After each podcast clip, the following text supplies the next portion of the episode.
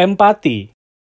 Kata yang sangat familiar, tapi nggak jarang hanya digunakan sebagai pelengkap sebuah kalimat, terutama di sosial media akhir-akhir ini, sahabat makna.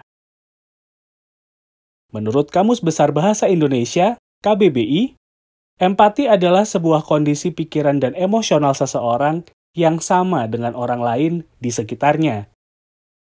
Sebuah penelitian dari Columbia University mengungkapkan, rasa empati tidak hanya bermanfaat ke orang lain di sekitar kita, tapi juga memiliki peran yang besar bagi pengembangan diri seseorang.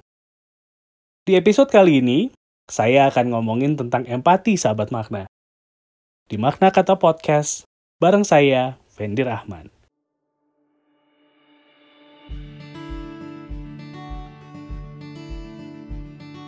Rasa empati sebenarnya sudah dianugerahkan secara biologis pada diri kita, sahabat makna. Sebagian orang mungkin memiliki porsi empati yang lebih besar.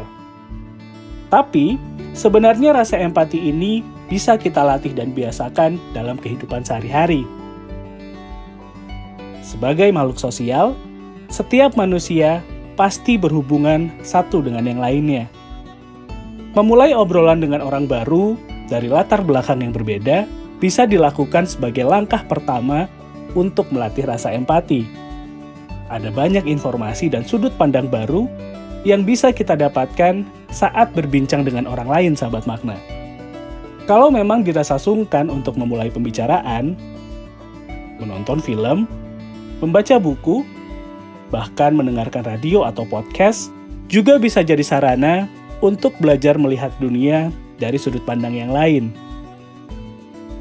Media sosial memaksa kita untuk ada dalam keidealan yang seragam.